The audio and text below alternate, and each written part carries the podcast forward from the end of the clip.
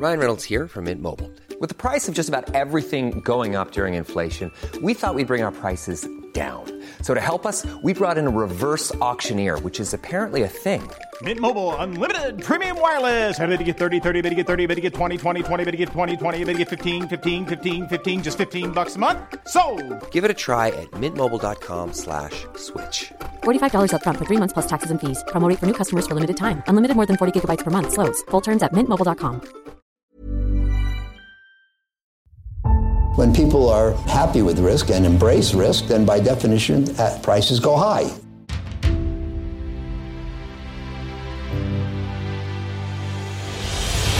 When the cycle turns down, they generally sell at prices that are far too low. This is not about getting more information. We live in a world where we have too much data. I'm uh, happy to report another stable quarter.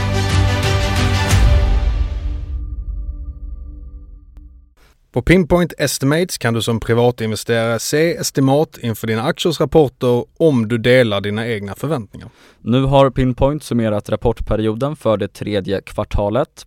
En jämförelse mellan Pinpoints konsensus och de faktiska utfallen under kvartalet visar att 60% av bolagen på den svenska börsen överträffade förväntningarna för topline. Och om vi kikar på data gällande bolagens vinster så var fördelningen mellan utfall och förväntningar mer neutral då knappt hälften av bolagen, 48 procent för att vara exakt, överträffade förväntningarna. Så det ska bli spännande att följa den här datan till nästa kvartal där vi såg att den här kvartalet så var ju marginalen lite svar, svagare men topline var bra. Och med det så säger vi vad då Magnus? Stort tack till Pinpoint, Stort vår tack. huvudsponsor. Stort tack! Hallå och välkomna tillbaka till Aktiesnack. Det här är en podd som görs i samarbete med Kalkyl.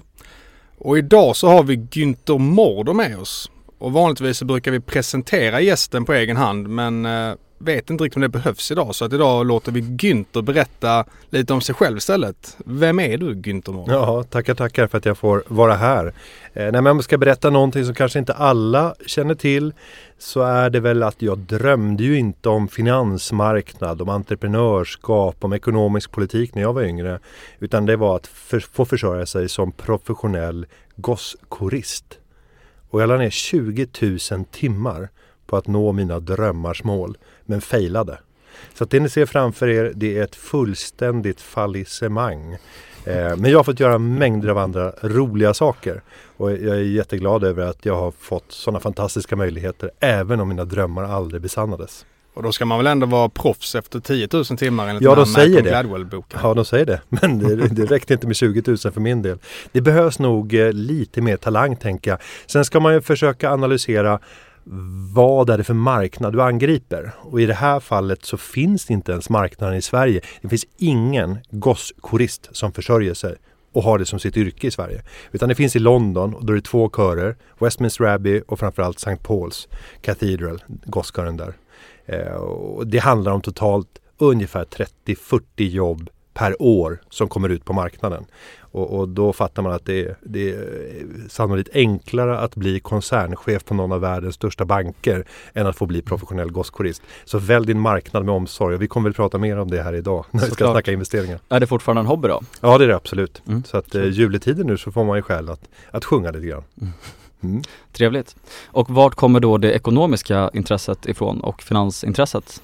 Ja, men det är nog också sen, sen barnsben. Det har funnits med. Jag har alltid gillat att göra affärer. Köpa billigt, sälja dyrt. Jag har haft ett intresse av att samla på, på saker och ting. Och sen har det istället bytts ut av att eh, samla på delägarskap i företagande och goda relationer. Men jag gjorde väldigt mycket affärer redan som ung. Och nu är ni för unga för att komma ihåg Gula Tidningen. Ja, jag tror det. Tänk er ett Blocket, fast Blocket kommer ut två gånger i veckan eh, i form av en tidning som är gul och där det står annonser.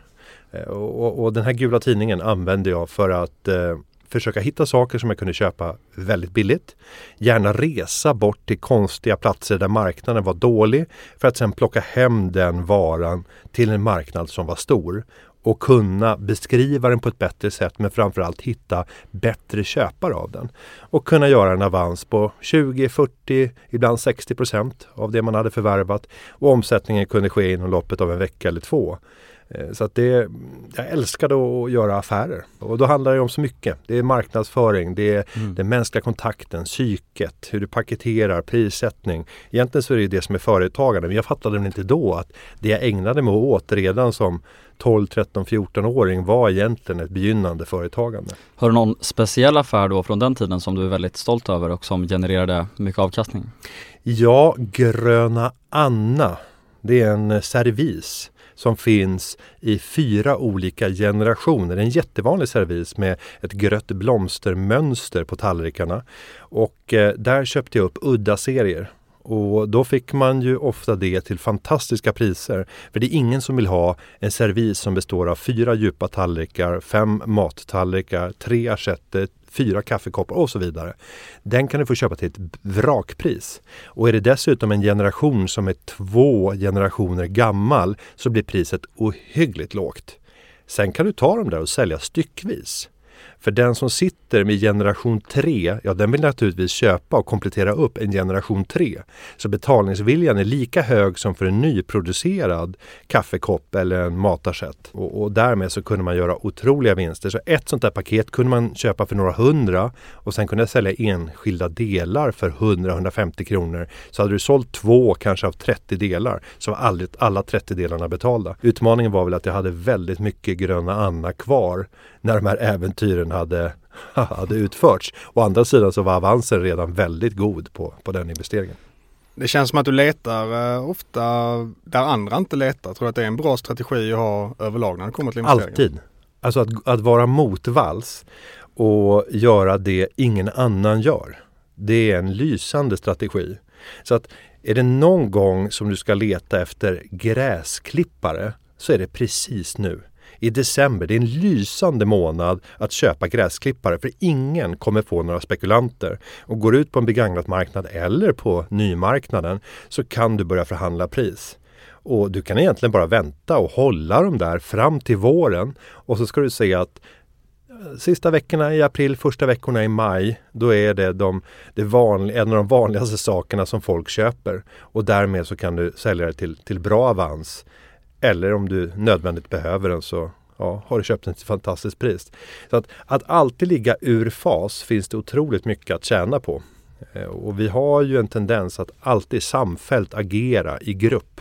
Och det är det som skapar de här ekonomiska mönstren som leder till högkonjunktur och sen lågkonjunktur och hur vi kan ha hås och bäs på börsen och hur en sektor kan vara glödhet ena stunden för att sen vara iskall bara ett halvår senare. Det är flockbeteende. Har du något liknande exempel som eh, det här med gräsklipparna fast då på börsen? Ja, där har vi inte samma tydliga så här, säsongsmässiga variationer och vi vet inte med bestämdhet som vi vanligtvis vet med gräset att i början av, av, maj då kommer det ha vuxit så mycket att du kommer behöva klippa gräset. Så det föds en efterfrågan. Marknaden är lite bättre på att förutspå det eh, vilket gör att ingen blir överraskad av att Skistar börjar sälja liftkort i, i, i, eh, slutet av november. Eh, så att det är inte lika lätt att förutse för att eh, ja, det är inte samma re regelbundenhet i övrigt i, i, i, vad som händer. Däremot så kan man ju titta på så att säga, uppgång och nedgång när det kommer till intresse för sektorer. Jag gjorde när jag var sparekonom på Nordnet för, för många år sedan så gjorde jag en studie där jag tittade på analytikernas eh, rekommendationer och såg till när har du de stora rörelserna? Och de stora rörelserna i ett eh, bolag det är ju när ett bolag går från att ha många säljrekommendationer till att börja vända över till att alla efter ett år har köprekommendation. Den intressanta fasen att investera i det är när alla har säljrekommendation. Det är då det är som mest spännande att investera i det här bolaget. För uppsidan blir kopiös om det börjar bli en vändning. Om alla däremot har en köpsignal så saknas den där triggen som gör att du kommer få kraftiga lyft För alla har redan positionerat sig för det. Och det är rörelserna som vi kan tjäna eller förlora pengar på. Och, och därför är det spännande med de här bortglömda bolagen. Och då, då blir jag mer som en, kan man tänka, värdeinvesterare. Om man ska jämföra med med några av fondbolagen som har jobbat mycket så här så, så var det ju en strategi som eh, Skagen gjorde sig framgångsrik på men som fick sin törn i nollränteekonomin. Att satsa på bortglömda bolag som kan växa i takt eller lite snabbare än ekonomin men har en väldigt låg värdering men bra utdelningar. Det har ju inte varit vinnarstrategin och det är sällan den som gör dig till eh, så här, kursdubblar eller dubbla portföljens värde på ett år eller två. Men över tid så kan du få en 15-20% avkastning och det blir väldigt bra över tid. Men du blir aldrig den här heta investeraren som gör de stora klippen. Be greedy when others are fearful. Absolut. Och om vi går in lite på bakgrunden just inom finans, för det kändes ju som att du, du var ju där och touchade på det intresset redan i väldigt unga år och det kanske var faktiskt ett affärsintresse och ett finansintresse men du bara inte definierade som det. Så vad har du gjort inom finans tidigare? Eh, jag växte upp 15 år inom Aktiespararna och Unga Aktiesparare. 11 år inom Unga Aktiesparare, jag var förbundsordförande de sista 4-5 åren. Och eh, sen fick jag prova på allting inom aktiespararna parallellt med det här. Jag fick prova på bolagsbevakningen och vara ute först och bära portföljerna åt de äldre gubbarna som bevakade bolagen och ställde frågor på bolagsstämmorna. Sen fick jag själv börja bevaka de mindre stämmorna och fick lära mig mer och mer. Eh, sen fick jag hålla utbildningar, så jag höll mycket analyskurser, grundkurser i aktiekunskap. Jag startade någonting som heter UA-akademin eh, som fortfarande lever och frodas mer än någonsin. Och, och där om jag ska så här, marknadsföra någonting för den aktieintresserade som känner att man behöver fylla på kunskaper titta på UA-akademin. Mig veterligen så är det fortfarande kostnadsfritt. Man får betala för lunch och kanske utbildningsmaterial. Men det är det bästa sättet att få träffa andra, få lära sig saker och få de grundläggande kunskaperna. Det var faktiskt första gången jag såg dig. Det var på var en föreläsning nere i Kalmar på just UA-akademin. Vad roligt! Så lite kul att sitta här nu med dig. Och det var länge sedan misstänker jag. Det var väldigt 2007? 20, 2017 var det. 17? Ja, men, Allting är relativt. Ja, men 17 då, då var jag ju VD på Företagarna redan. Mm. Men du var nere i alla fall och föreläste ja, okay. liksom, mm. för UAs räkning. Mm. Vad roligt. Nej men jag har ju flängt, flängt, runt mycket. Så Unga Aktiesparare, Aktiespararna och därefter så har jag varit på Nordnet i tre år som sparekonom och eh, sen sju år tillbaka, inne på mitt åttonde, så är jag VD på Företagarna. En organisation för företagaren. Mm. 60 000 företagare som medlemmar. Och jag lyssnade för någon eh, månad sedan på en podd där du var med i Sparpodden just tillbaka mm. och besökte den. Och du pratade lite om hur man kan använda fonder för att hitta ett urval till att välja aktier som jag tyckte var väldigt intressant förmodligen framförallt för nybörjare på börsen. Skulle du kunna berätta om det? Absolut. Jag, jag ser ju alldeles för många nybörjare som kastas in och köper förhoppningsbolag som potentiellt skulle kunna tredubblas eller femdubblas om allt vill sig väl. Men i de flesta fall så gör det inte det. Utan man förlorar hela eller nästan hela sin insats. Och om jag skulle ge något råd till den som vill börja med enskilt aktiesparande så skulle det vara att identifiera tre eller fem stycken småbolagsförvaltare i Sverige som har ett högt betyg på sin förvaltning. Man kan ju titta på Morningstars stjärnor som ger en indikation om hur bra man har varit relativt kategorin. Och sen säga att du får bara investera i bolag som utgör de kanske 20 största innehaven i de här fem fonderna. Då får vi totalt 100 innehav. Sen kommer det vara en hel del dubbletter i de där så sållar vi bort det så kanske ett urval av 70. Men det är bara de 70 bolagen som du får investera i. Det är ditt univers. Du får inte gå utanför det. Om du bara har en sån strategi så minskar sannolikheten för att du ska gå på minor avsevärt. För de här fondbolagen har gjort en mer noggrann analys än vad du någonsin kommer att ha kapacitet att göra och kan förhoppningsvis, inte i alla lägen, undvika de värsta fallgroparna. Men vi har sett fallissemang och även på, på de stora småbolagsförvaltarna. Eh, särskilt i de här tiderna när blickarna har vänts bort från tillväxtaktier fullständigt och vi har sett att bolag som inte kan redovisa vinst och satsar allt på tillväxt, deras värdering har närmast kollapsat. Och, och alla de där fallen hade du inte kunnat undvika med en sån här urvalsmetod. Men du hade sannolikt varit mycket bättre skaffad att kunna få en bra avkastning. Och ska jag säga någonting som är lite tråkigt när det gäller enskilt aktiesparande. När jag var på Nordnet så fick jag inblick i alla kundernas portföljer och därmed i den ackumulerade avkastningen för alla sparare. Och jag kunde se att den ackumulerade avkastningen, om jag tog alla aktieinnehaven som man hade från kundernas sida, så genererade det en sämre avkastning än om kunderna hade investerat i en dyrt, falskt aktivt förvaltad Sverigefond. Alltså man har fått en bättre avkastning om man köpte en dyr fejkfond eh, som vi normalt sett hatar och, och, och, vilket jag fortfarande gör. En aktiv förvaltning ska vara aktiv. Eh, men även de fonderna genererar en högre avkastning. De går ungefär som index minus en hutlös avgift på 1,5 procent eh, årligen. Men kundernas aktiva urval av aktier straffar sig och det hänger ofta samman med att man köper alldeles för mycket i de här förhoppningsbolagen. Och tar vi just män och unga män så finns det en överrepresentation i de bolagen som har väldigt hög volatilitet. Och det gör att männens portföljer kommer normalt sett att gå väldigt starkt under år då riskaptiten är god. Och sen när vi har eh, år då marknaden är svag, som 2022, så skulle vi titta ackumulerat på Nordnet eller Avanza så kommer kvinnorna i år ha haft en mycket högre avkastning än männen. Om vi bara delar upp hela kundpopulationen i de två delarna. Ja, men det, det är en bra poäng. Jag vet, ju, jag vet ju själv som ung man att man gjorde de här misstagen i början som nästan alla gör. Man köper förhoppningsbolagen, man köper bolag som låter väldigt bra men man har inte riktigt koll på dem. Mm. Så det här är ju en väldigt bra strategi för att komma runt det.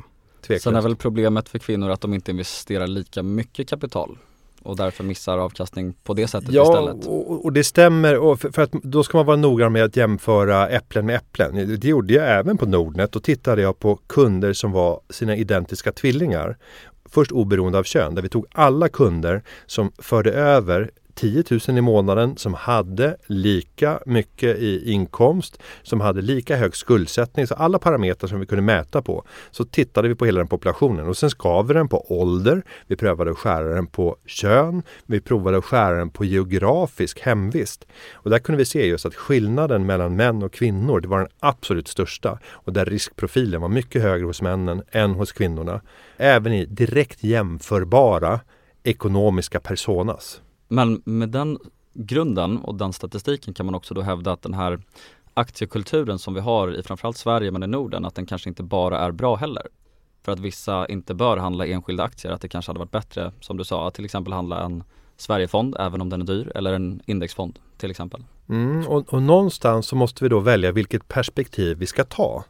För om vi skulle ta utifrån ett bolagsfinansieringsperspektiv så skulle jag nog säga nej, det är bra att vi har den här kulturen. För det gör att, att väldigt många bolag kan få finansiering som har fått nobben längs hela finansieringsresan och sen till slut kommer till marknaden. För det ska vi vara medvetna om att, att gå till marknaden det är ju oftast det sista alternativet som ett bolag tar till. Innan så har man ju försökt gå till banken och så säger man att det här är alldeles för riskfyllt. Sen går man ut och testar på affärsänglar, kanske tittar på riskkapitalister och sen tittar man på industriella köpare som kan tänkas vilja köpa andelar i det. Och när du inte har hittat någon som vill satsa det kapitalet som behövs för att nå ditt kommersiella genombrott, ja men då återstår att bjuda ut delägarskap till allmänheten. Eh, så att det är ju ofta bolag i ganska sena mm. skeden i finansiering. Och bara det borde också göra att man är lite skeptisk till en sån typ av finansiering som småsparare. Ja, jag tänker det, att det är liksom deras bolagets sista Det ska man lösning. alltid vara. Det tycker mm. jag ska vara grundfrågorna när man tittar på en, en börsnotering, en IPO. Eh, att ställa frågorna så här, varför väljer ni börsen? Om ni hade fått välja, hur skulle finansieringsmixen se ut? Mm. Varför har ni inte valt att hitta en, en strategisk partner i form av en industriell investerare som har kunskaperna där ni i lugn och ro kan bedriva ert forskningsarbete kanske som ska resultera i ett preparat eller någonting som kan, som kan kommersialiseras. För det är en stressad miljö att vara i på, på marknaden. Men, men utifrån bolagets perspektiv så är det jättebra att det finns marknadsplatser och att vi har eh, marknader som Spotlight och som NGM och First North det är välgörande för den, den, svenska ekonomin och tillväxten av nya bolag. För bland alla de här casen så finns det flera som kommer att nå väldigt stora framgångar och kunna ha betydande impact på svensk ekonomi, på jobbskapande, på skatteintäkter och framförallt det problemet som de löser. För alla framgångsrika företag, de löser ju per definition ett problem som har varit efterfrågat att lösa i samhället. Så att eh, utifrån bolagets perspektiv så är det ändå bra att det finns. Utifrån den enskilda individen så skulle jag nog ändå säga att eh, du lär dig oerhört mycket. Jag hade aldrig varit den person som jag är om inte jag fullständigt hade gått bort mig på aktiemarknaden när jag var 17 år och förlorat allt som jag hade byggt upp. Och det var en dryg miljon kronor som jag hade redan som 17-åring. Från att ha börjat med 10 000 kronor. Eh, och det, den upplevelsen den har präglat mig och fött en, en revanschlust. Den har gett mig kunskaper, insikter. På pappret så hade det varit bättre om jag hade gjort någonting annat och sparat försiktigare. Kanske i en bred fondportfölj. Så det är möjligt att jag hade haft mer pengar men jag hade inte haft mer kunskaper. Mm. Och kunskaper är värda galet mycket mer än pengar. Väldigt bra tycker jag, bra svar givet då eh, att du är VD på Företagen också, så kan jag tänka mig att du brinner väldigt mycket för just att då föda bolag och entreprenören och liksom ge, ge, dem det kapital de behöver. Men hur resonerar du som investerare? Ser du det liksom bara som att du vill ha ekonomisk vinning eller ibland kommer det behovet också fram att du vill investera pengar för att hjälpa en potentiellt bra mm. affärsidé? Mm. Hur resonerar du kring Nej, den men balansen? Jag, jag har väl passerat gränsen där den kortsiktiga avkastningen är det centrala för mina investeringsbeslut. Utan för mig så handlar det mer när man har kommit upp i åren att fundera över vilket liv vill jag leva? Det är de här existentiella frågorna som kommer och när, man, när jag nu ser att mina barn är halvvägs eller till och med passerat halvvägs mot att vara vuxna och när man förstår att shit vad tiden går fort. Och, och, det är en sån här klyscha när man är ung och hör äldre personer prata om det. Så ta vara på tiden, det går så fort. Men när man ser sina egna barn så händer någonting mentalt inom en. Och den, de frågorna som jag ställer mig är ofta, vilka människor vill jag dela livet med? Vilka vill jag ha runt omkring mig? Och vilken sinnesstämning vill jag att de ska kunna bidra med? Så för mig så är investeringsbeslut i framförallt då onoterade bolag eller i noterade bolag där jag tar en större position mycket baserat på människorna. Är det här människorna som jag vill dela mitt liv med? Är det personer jag vill umgås med utanför vårt, eh, vårt affärsmannaskap? Då är det rätt investering. Och då om man känner att man gillar varandra och vill dela livet tillsammans, då är det mycket lättare att komma också till rätta med de friktioner som kan finnas när det kommer till synen på värdet av bolaget. Sen vill ju jag se, eftersom jag personligen inte har de gigantiska kapital som riskkapitalistfirmor eller andra typer av institutioner kan bidra med. Ja, vad är det jag kan komma med då? Så här, utöver att jag kan komma med en viss summa pengar så kan jag komma med engagemang, kunskap, jag kan ständigt ställa upp som ett bollplank för de som jag investerar i och också vara en härlig människa i deras liv. Och det är en skillnad jämfört med en riskkapitalist som har en fond som du ser ska stänga om fem år och där du vet att någonting måste ha hänt inom de här fem åren. Och om vi ska göra någonting så är det att maximera värdena till år fyra så att det finns en möjlighet att skicka den där tillgången vidare så att investerarna kan få en bra avkastning. Och så resonerar inte jag. När jag går in så vill jag ha ett, ett närmast evighetslångt perspektiv. Och det handlar lika mycket om vänskap som om, om avkastning och att kunna bidra. Och eh, du har ju touchat lite på onoterat. Investerar du mycket i det och hur skiljer det sig i så fall från när du kollar på noterade bolag? Ja, och eh, investera mycket är ju verkligen att ta i för att utmaningen med eh, onoterat det är ju att du nästan aldrig blir av med det. Så att så fort du gör en investering så ligger pengarna där. Det är oerhört svårt att finna köpare och ofta så blir det mentalt jobbigare också att separera för att du har byggt upp en, en relation tillsammans med de entreprenörerna som driver bolaget och, som gör att det är, är känsligare. Så att det, eh, om jag tittar på, på börsinvesteringarna så är, är, det fortfarande det som dominerar i antal räknat för att det är lätt, det är likvida tillgångar. Men om vi tittar framåt så är jag helt övertygad om att den, den stora lejonparten av, av eh, kapitalet kommer att investeras i onoterat. Sen kommer jag vilja ha en vilja att bolagen som jag investerar i ska röra sig mot marknaden. Inte nödvändigtvis för att notera sig, men för att bara värderesan eller resan som sker mot en potentiell notering innebär ett värdeskapande. Så det blir en värderesa. För att många bolag som jag tittar på i en onoterad miljö, de kan jag köpa för 3 till 5 gånger årsvinsten. P 3 till 5. Och då det, eh, om jag ska beskriva karaktäristikan på ett sådant bolag så kan de visa upp en tillväxt på 7 till 10 procent per år. De visar vinst redan idag. De delar ut 30-40% av vinsten till ägarna. Det finns orealiserad potential i företaget som man har valt att inte ta för man har inte drivits av intresset att ta bolaget till nästa nivå. För man känner kanske som entreprenör att jag har inte kunskaperna eller det är förenat med risker att ge sig in på en ny marknad eller ett nytt verksamhetsområde.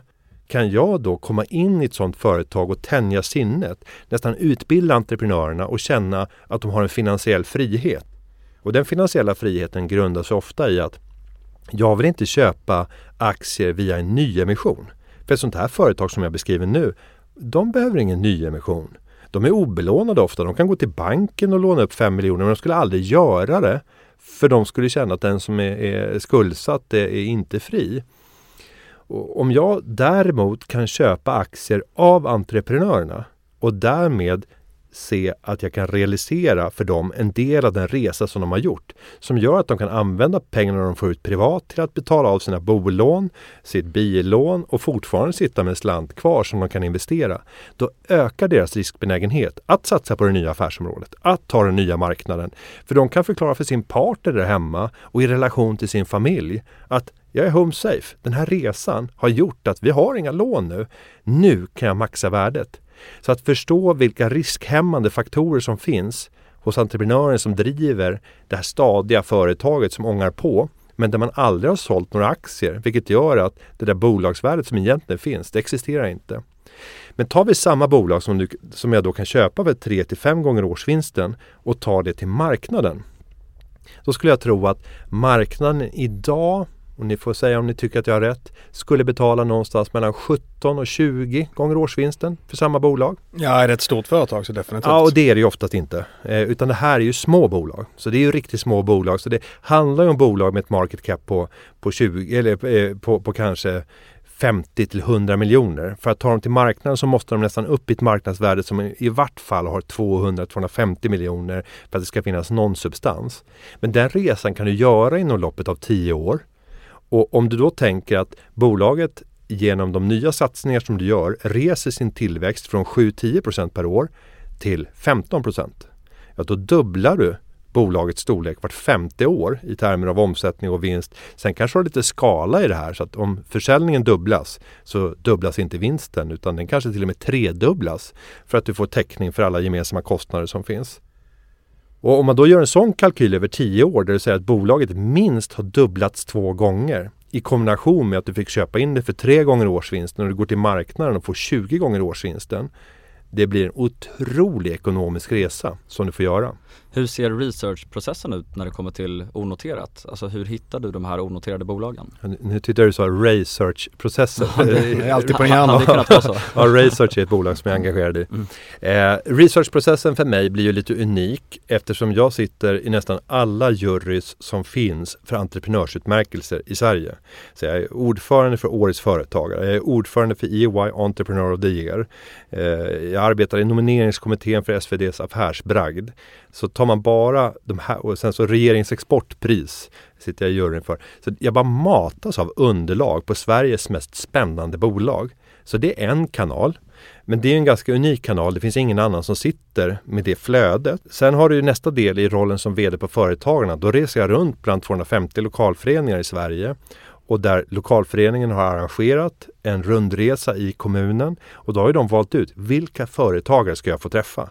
Och det är ju alltid de mest annorlunda eller oliktänkande eller framgångsrika. Det är inte ett tvärsnitt av företagar-Sverige utan det här är, är någonstans gräddan men ofta oupptäckta. Så det ger också en fantastisk möjlighet att träffa företag. Mm. Nu har jag varit ganska taskig för inget av de här två alternativen finns till buds för den vanliga investeraren. Och då kommer jag till enkel screening. Det finns idag väldigt enkla verktyg öppet på nätet där du kan söka på bolag. Vill du nämna något? Ja, du har allabolag.se, mm. du har Ratsit. Om du vill lägga lite pengar så har du Retriever Business.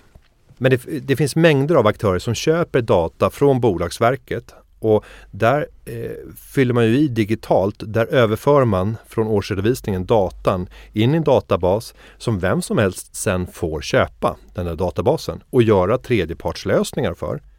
Och, där, och det är ett tips också för dig som vill starta ett företag. Gör intelligenta verktyg för att hitta spännande bolag utifrån investeringskriterier. Ingen har gjort någon motsvarande nyckeltalssorterare av rang utifrån ett investeringsperspektiv för onoterade bolag i Sverige. Så där finns en marknad. Men du kan söka de här tjänsterna så börjar du i en kommun och tittar på vilka är de snabbast växande företagen vars omsättning överstiger 20 miljoner men understiger 200. Sortera fram de bolagen. Vilka av de här företagen redovisar en lönsamhet idag? Sen kan du gå in och titta på verklig huvudman. Vilka har mer än tre ägare som kontrollerar minst 25% vardera? Och då ökar sannolikheten. Finns det tre ägare som alla kontrollerar 25% eller mer var, sannolikheten att bli insläppt där är mycket högre och det finns en mycket större mognad för att ta in ytterligare externa ägare än om det är en ensam ägare som äger 100% Jag skulle inte springa på de företagen. För att, att stå ensam som minoritetsägare och äga 10-15 procent av ett företag mot en ensam ägare som kontrollerar 85-90 procent. Det är inte en lycklig situation utan du vill ha en dynamik i ägarstrukturen. Så minst tre ägare som äger 25 procent eller mer vardera.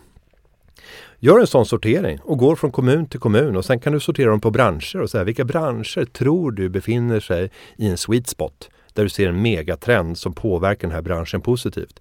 Då är det sannolikt att det företaget som har snabbast tillväxt i kommunen i den branschen som du är identifierat som framgångsrik är någonting på spåret. Så att de rider på megatrenden och de gör det bättre än de andra i branschen. Är det någon speciell bransch som du är extra fokuserad på och tror extra mycket på? Inte, nej, nej inte specifikt. Mm. Utan för mig så är det väldigt lite det branschspecifika. Utan eh, tittar man på mina investeringar så är det väldigt spretigt. Utan det handlar mer om människan bakom. Och det är väl det jag kommer till i nästa läge. Att bara för att du hittar de där bolagen så behöver det inte alls vara rätt. Men det är i vart fall ett urval där du i ekonomiska termer ser att det här företaget är intressant. Det du ska göra i nästa läge, det är att se vilka kontaktvägar in finns till någon av de verkliga huvudmän som finns för bolaget. Titta på LinkedIn, titta på Facebook, känner ni någon som känner någon? Kan du få någon introduktion? Finns det något tillfälle då du skulle här, av en händelse stöta ihop med den här personen? Ser du att personen sitter som ordförande i Företagarna i Sala och så ser du att en aktivitet här med Företagarna Sala där personen står som inbjudan, att bara dyka upp på en sån aktivitet, mingla runt och aktivt söka kontakt eh, som av en händelse. Men någonstans så vill du komma till ett stadie där du kan få sätta dig ner tillsammans med den här entreprenören och bara få lyssna på entreprenörens berättelse om bolaget. Och då ska du bara vara tyst och låta allting sjunka in och sen bara anteckna så mycket du kan. Gå hem och likt en managementkonsult så börjar du rita upp en strategisk plan för hur man skulle kunna ta det här bolaget till nästa nivå. För det är det här som är din säljpitch. Varför ska jag välja dig? Jag behöver inte ens pengarna. Och sen så ska du sälja in dig som person. Mm. Så då handlar nästa stadie om att egentligen kanske bjuda in till en middag. Så här, du, efter att jag pratade med dig och fick höra mer om ditt bolag så har inte jag kunnat sluta tänka på ditt företag. Och jag har suttit och gjort en presentation. Ja, jag vet, jag är störd. Men, men jag har inte kunnat sluta tänka på det. Det är som när man bara ser den där personen som man blixt, blixt förälskar sig i. Samma känsla har jag, men för det du gör och den människa som du är. Kan jag få bjuda dig på en middag och presentera de tankar som jag får efter att ha lyssnat till dig? Så vem kan tacka nej till en sån middag? Och sen att kunna sitta ner två, tre timmar, presentera det här caset och sen kunna avsluta det med att säga Jag skulle drömma om att få göra det här tillsammans med dig. Inte operativt, men att kunna finnas med som strategisk rådgivare, som finansiär av det här och det viktiga i det sammanhanget är kanske inte pengarna du bär till bordet utan allra helst kunskaperna som du har kring företagsfinansiering. Har du goda relationer med banker, vet du hur bankerna jobbar, så kan din entré sannolikt innebära att företaget får mycket större förutsättningar att kunna finansiera sig bankvis och att kunna få attraktivare räntor. Och kunna ha med den spelbrickan och säga att vänta, här har vi även 10 miljoner som potentiell möjlig finansiär av det här projektet. Så här, vill vi ta den risken? Vad skulle krävas för att du ska stå beredd att ta den risken? Tänker man då att jag köper aktier av dig som privatperson så att du realiserar en del av risken privat. Då kanske du får alignment som känner att det här vill jag göra tillsammans. Hittar du rätt, då kan det bli helt magiskt. Och du behöver egentligen inte göra speciellt många sådana här affärer i ditt liv. Så, så kommer det ändå att motsvara större värden än vad du någonsin kan jobba ihop i, i relation till klassiskt lönearbete på grund av de höga skatterna som vi har i Sverige också. Nu fick ni någonting att tänka på. Mm. Ja, det var intressant. det börjar lysa här i ögonen. Ja men du touchade lite på det innan att du utbildar entreprenörerna också Mm. som du investerar i eller tillsammans med helt enkelt i deras bolag. Vill du gå in lite mer på hur du agerar som aktiv ägare? Liksom mer specifika saker och vad du själv tycker är din absoluta edge. Mm. Och, och jag brukar alltid tänka tanken så här, om jag själv hade varit VD för det här bolaget. Vad hade jag velat utföra? Vad borde jag lägga fram för förslag till strategier om det finns en styrelse? Eller vad borde jag göra? Och utifrån det, beroende på var, var bolaget befinner sig i, i sin mognadsfas och, och eh, vilken typ av bolag man är, så är det helt olika typer av rekommendationer. Men det handlar egentligen om så här klassiska frågor utifrån ledarskap. Så ska man bli duktig på den typen av företagsrådgivning så finns det ju, tycker jag, två olika vägar att gå. Den ena är den klassiska akademiska skolningen och då har man gått ut eh, en ekonom och gärna kombinerat med ingenjörsutbildning och sen går man in på någon av managementkonsultbyråerna och får jobba med jättemånga olika bolag och lära sig företagsstrategier och tuffa beslut och hur man kan jobba för förändringsprocesser. Den andra vägen det är ju den långa skolan och att mer lära sig själv genom eget entreprenörskap eller att vandra upp och ha ledande positioner där du själv får testa den här typen av beslut. Och jag har väl fått gå en tredje väg då där jag har fått jobba först med aktiesparandet utifrån aktiespararna och unga aktiesparare och förstå investerarna. Och sen gå över till företagaren och nu de senaste åtta åren fått jobba med entreprenörerna och hela tiden leta efter hur kan man göra det här effektivare? Vad kan du göra smartare i termer av prissättning? Hur kan du vinna nya kunder? Hur kan du förändra marknadsföringen? Eh, vart finns de lägst hängande frukterna? Vilket företag borde det här samarbeta med? Finns det en logisk fusion mellan några bolag i den här branschen? Finns det något verksamhetsområde som skulle kunna skäras bort som inte bidrar resultatmässigt? Finns det något område som växer snabbare än det andra? Vilka kunder har vi? Ser vi till att bara välja kunder som själva har en tillväxt? För om du väljer kunder där alla kunder ska ha en tillväxt som överstiger 10% per år då kommer de sannolikt fortsätta köpa 10% mer av dig varje år. Tänk dig att aldrig behöva ägna en minut åt försäljning utan bara vårda befintliga kunder. Varenda minut du skulle ägna åt kundanskaffning lägger du istället åt att vårda befintliga kunder och växa tillsammans med dem. Men det är alldeles för få som tänker just på tanken att välja sina kunder. Utan man tackar ja till dem man får. Och även i de fallen där det innebär att den här kunden kommer in, jag måste konkurrera med pris och sen kommer den försvinna nästa år om inte jag offererar samma låga pris. Nej, fokusera på att behålla. Så att, som ni hör, det är, en- det är en, eh, mångfacetterad palett av, av saker man kan utföra. Men man måste tänka ledarens hela perspektiv och hela företagsekonomin. Och du var också inne lite på värdering tidigare. Har du någon speciell metod som du då använder för att värdera ett bolag? Du nämnde ju till exempel att du räknade på gånger årsvinsten tidigare, det vill säga Ja. P tal. Ja, men enkel, enkel multipel eh, värdering är väl det mest basala och det, du måste prata värderingsmodeller som gör att entreprenören förstår. Mm. Och det enklaste brukar vara att börja ställa upp det i ett Excel-ark utan att börja prata om att nu ska vi göra en DCF-modell. Men någonstans så handlar det om att diskontera framtida kassaflöden till ett värde idag. Så här, vad kommer jag att kunna få ut ur den här investeringen över en tidshorisont?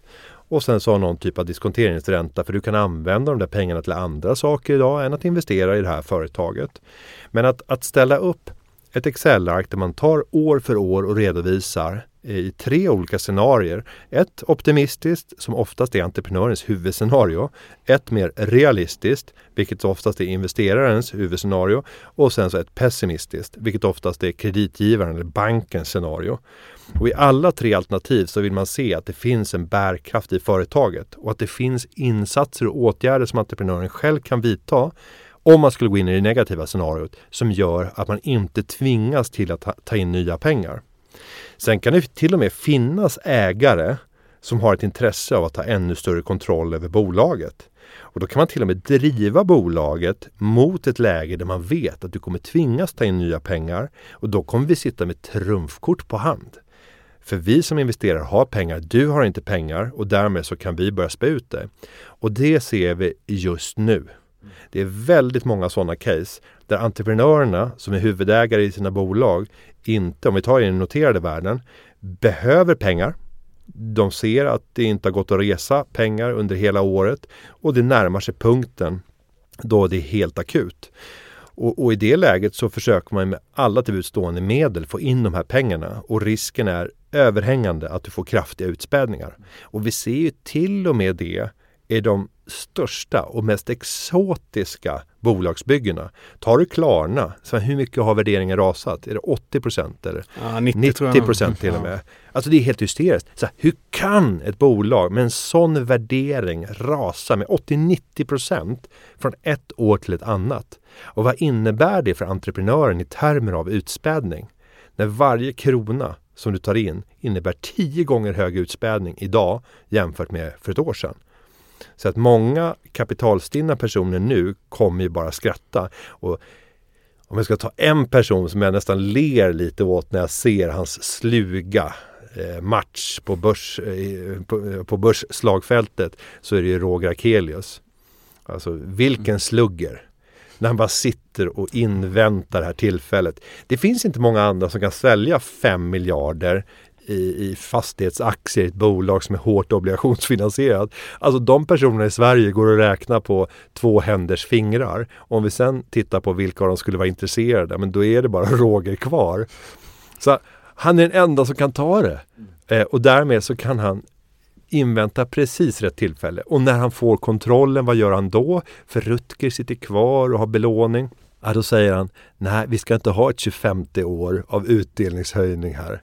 Utan vi måste nog ställa in utdelningen. Och Rutger är helt beroende av utdelningen för att betala räntorna på lånen som man har för att finansiera kvarvarande aktier. Då får han ännu mer panik. Eh, och därmed kommer Rutger kunna ta ännu mer kontroll. Så att, att sitta med, med torrt hö på loftet när det stormar, det är oerhört värdefullt. Är du imponerad av hur eh, Akelius agerade där?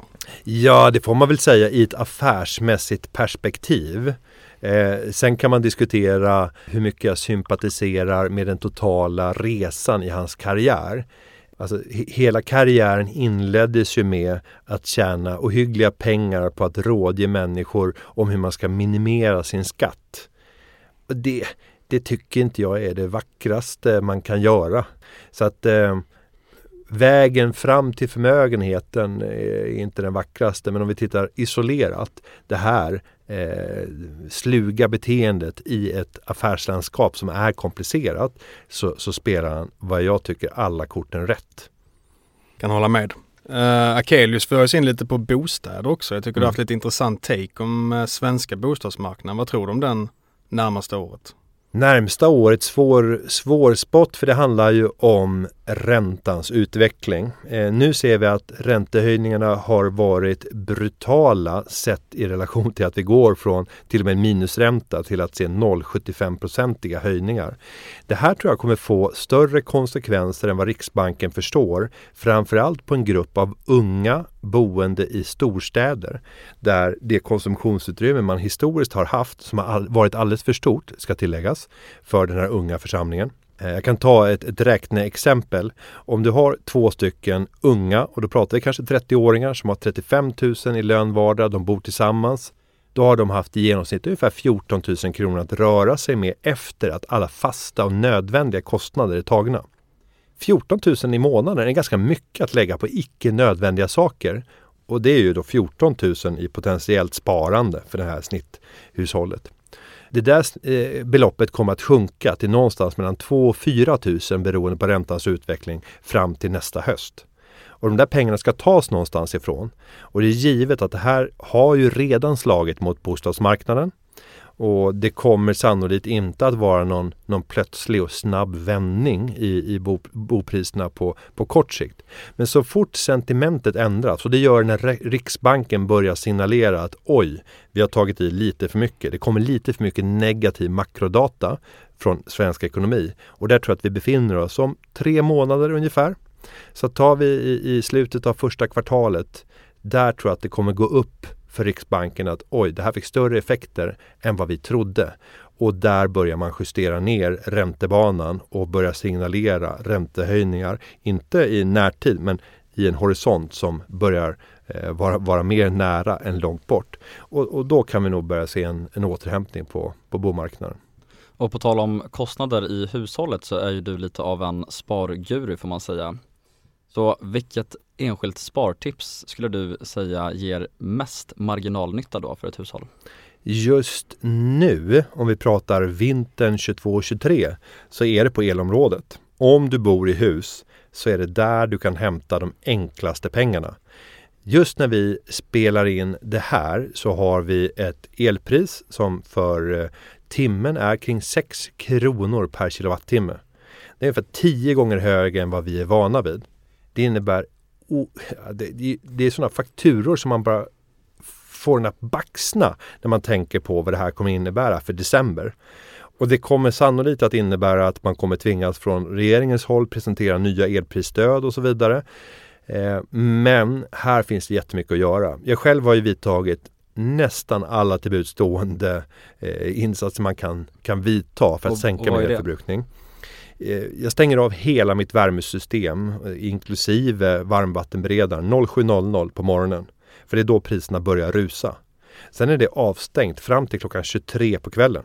Så ingen el används till vare sig uppvärmning av eh, huset eller av vatten. Hur kallt blir det då? Eh, om jag inte eldar så kommer jag komma ner till 16 grader eh, vid läggning vid 23. Sen så pumpar jag ju på systemet och använder det ganska aggressivt under natten och låter det jobba nästan dubbelt så mycket som normalt under nattid. Vilket gör att temperaturen kan vara uppe och snudda på 20 grader precis innan 07 när jag stänger av det. Så det blir lite så inversen. Man har fått vänja sig vid att säga, nej men man ska ha svalt när man sover. Men för mig så är det som varmast när jag vaknar. När det brukar vara precis tvärtom i bostäder. Det är som svalast när du vaknar. Men det här gör en, en kopiös skillnad i energiförbrukning. Och framförallt så det är inte bara en sänkning av energiförbrukningen. Jag flyttar också förbrukningen från de dyra timmarna till de billiga timmarna vilket gör att jag får ett lägre snittpris. Så att under hösten så har jag haft 70% lägre förbrukning och priset jag har betalat har varierat med mellan 20 och 40% rabatt mot vad andra kunder på samma elbolag har betalat. Och jag, menar, jag upplever ju inte ens en elpriskris just nu. Och det här får många hushåll att gå på knäna.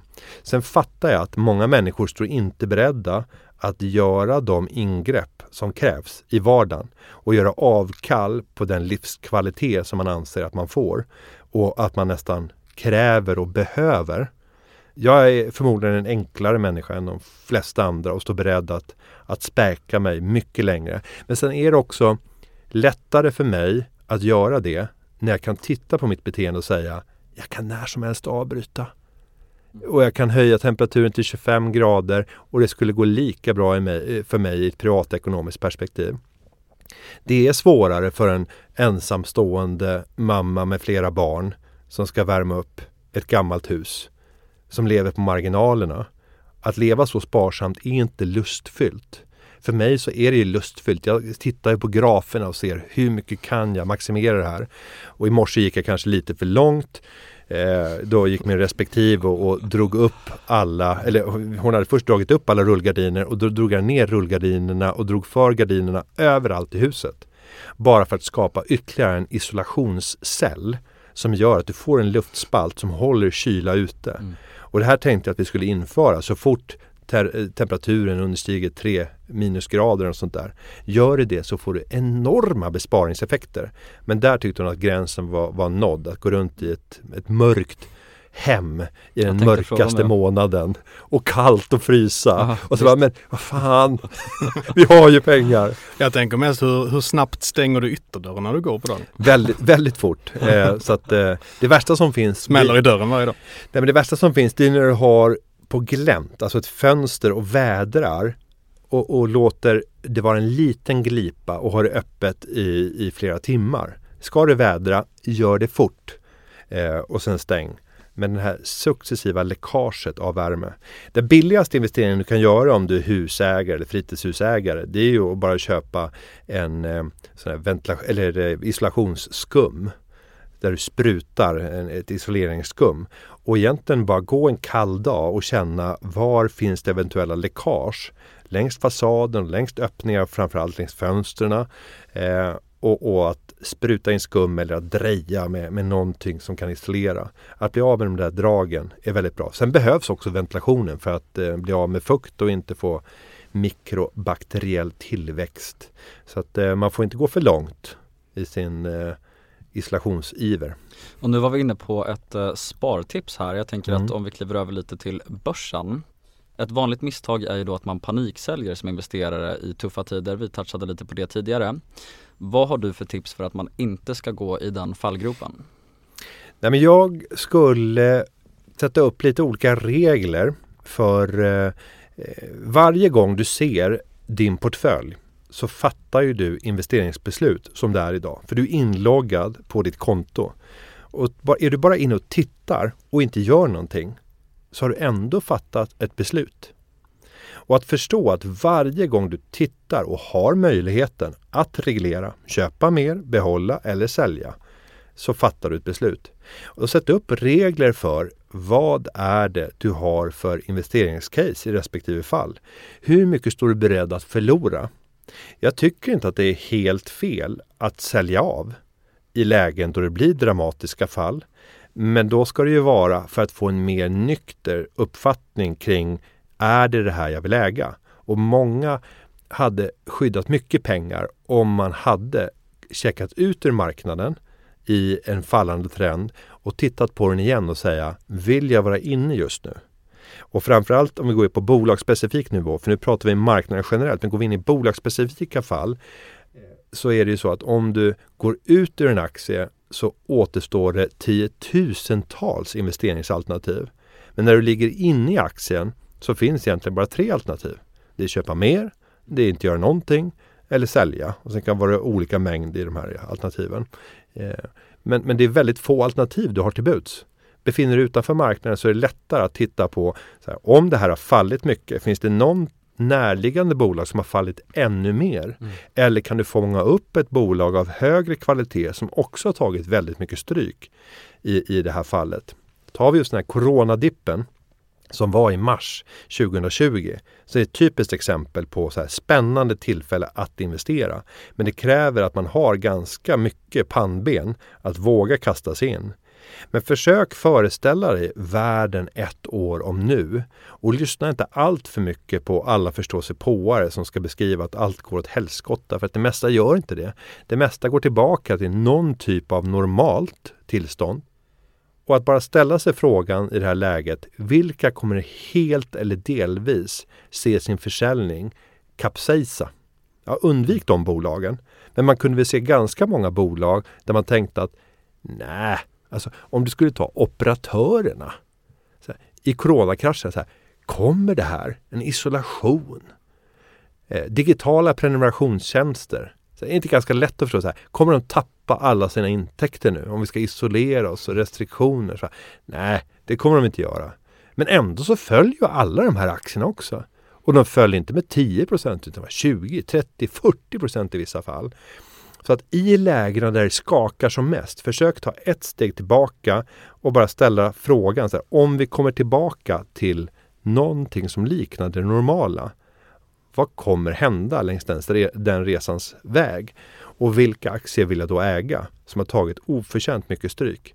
För det är just när du får de här utlösande marknadspanikerna på marknaden. Det är då det går att göra de mest spännande affärerna. För det är då du kan köpa kvalitetsbolag till kraftiga rabattsatser.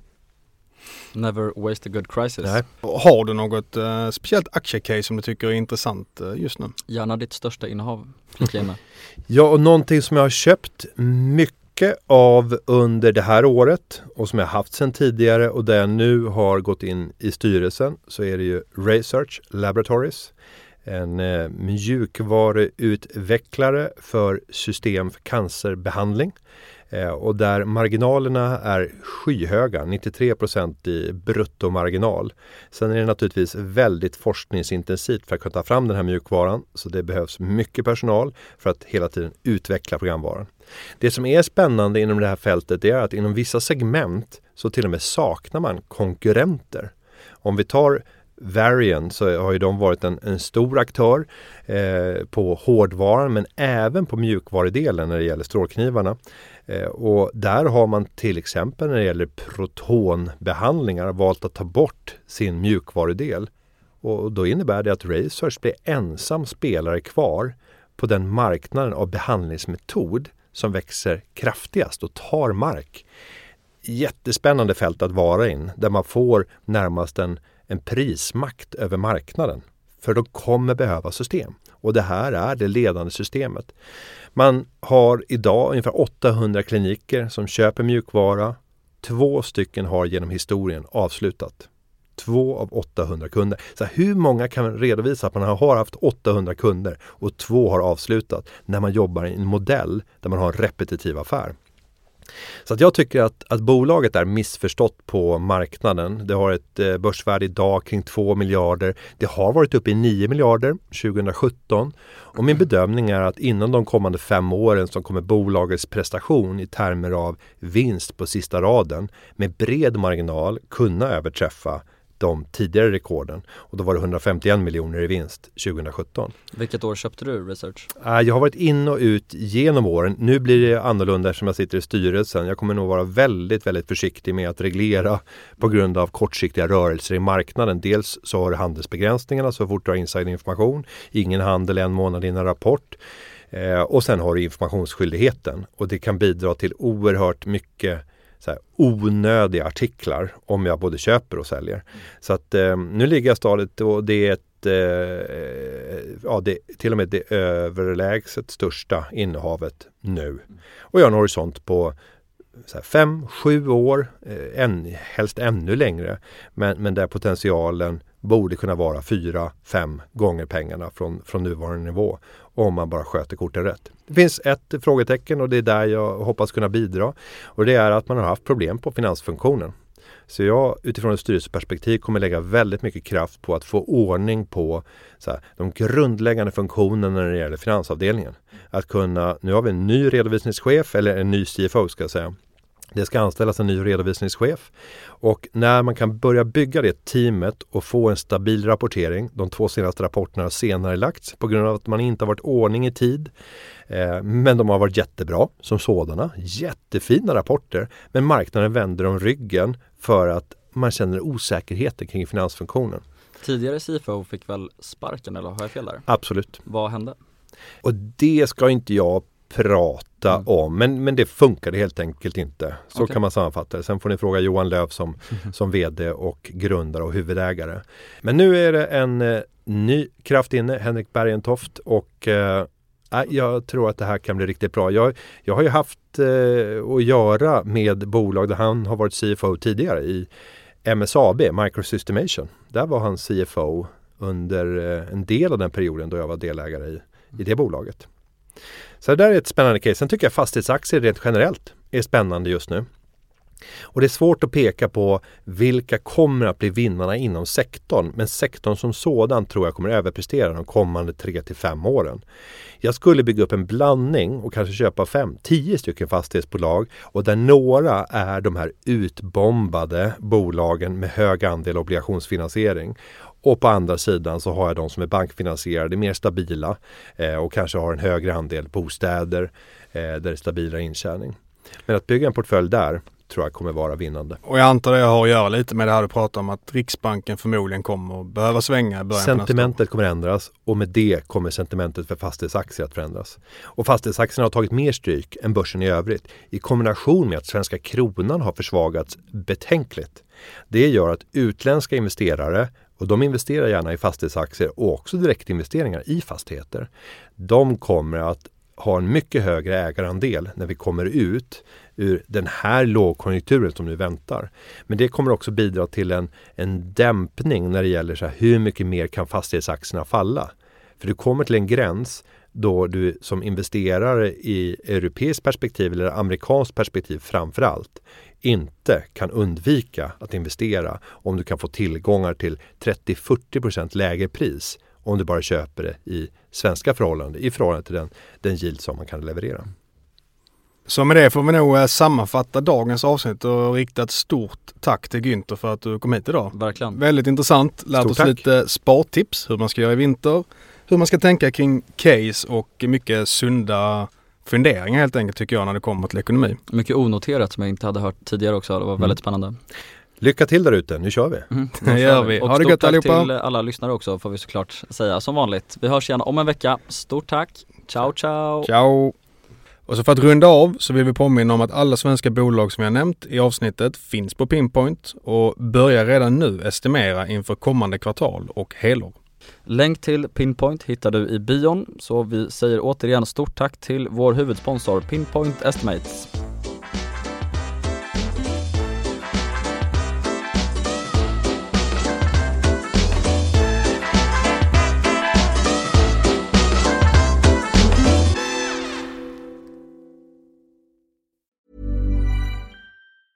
Mom deserves the best, and there's no better place to shop for Mother's Day than Whole Foods Market. They're your destination for unbeatable savings, from premium gifts to show-stopping flowers and irresistible desserts. Start by saving 33% with Prime on all body care and candles. Then get a 15-stem bunch of tulips for just $9.99 each with Prime. Round out Mom's menu with festive rosé, irresistible berry chantilly cake, and more special treats. Come celebrate Mother's Day at Whole Foods Market.